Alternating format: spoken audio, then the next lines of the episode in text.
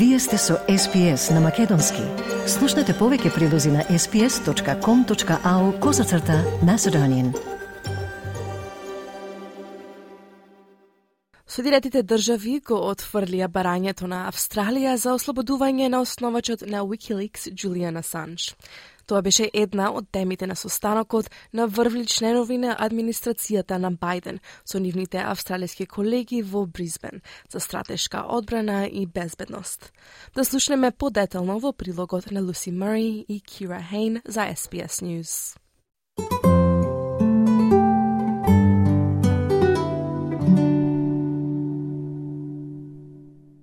Министерот за одбрана Ричард Марлс и министерката за надворешни работи Пени Вонг се состанаа со нивните колеги од Соединетите држави во Бризбен, каде најавија нови иницијативи за преоблекување на одбранбените сили на Австралија.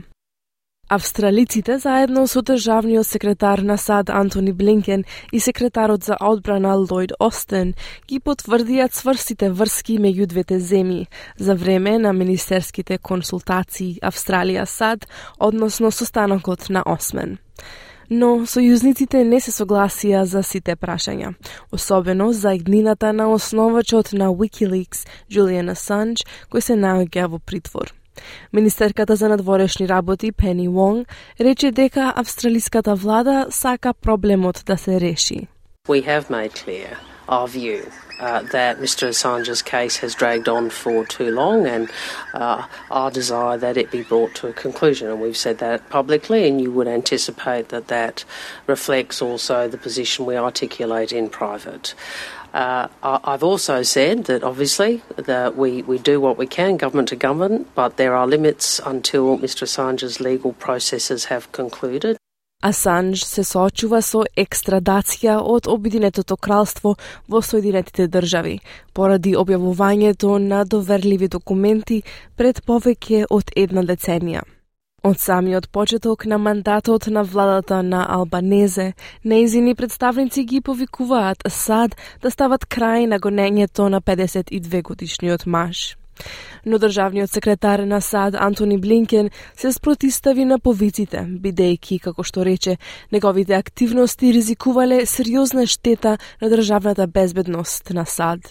The actions that uh, he is uh, alleged to have committed risked very serious harm to our national security, to the benefit of our adversaries, and put named human sources at grave risk.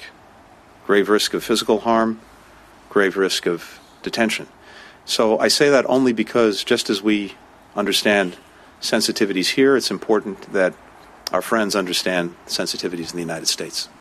Двете земји сепак склучија неколку договори на состанокот на Осмен, вклучително и поголемо присуство на САД во Северна Австралија, надградба на воздушни бази, поголема соработка во Вселената и нова домашна индустрија, производство на ракети.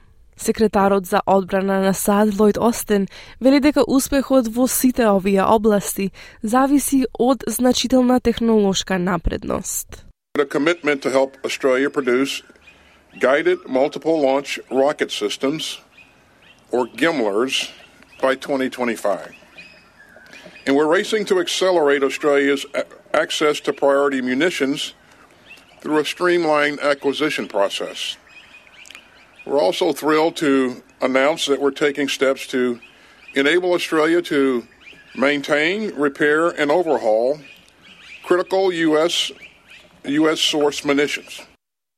Иницијативите се дел од планот за преобликување на одбранбените сили на Австралија, како одговор на зголеменото влијание на Кина низ регионот и неизината зголемена воена модернизација.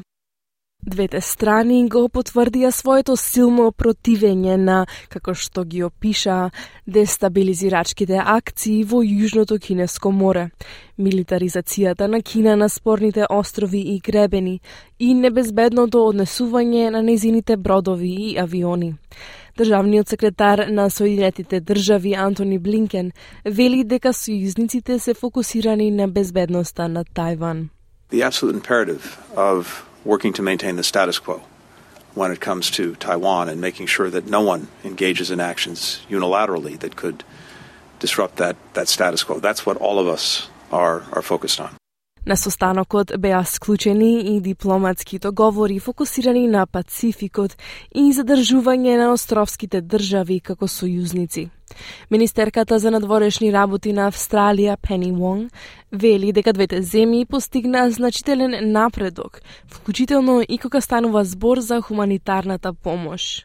We'll be signing an MOU that sees USAID and DFAT work together to preposition humanitarian supplies both here in Brisbane and also in Papua New Guinea to enable more effective humanitarian responses in the regions. That was actually announced by the leaders in May, and we're already signing legal documents. Договорот на ОКЕС исто така беше една од темите на состанокот.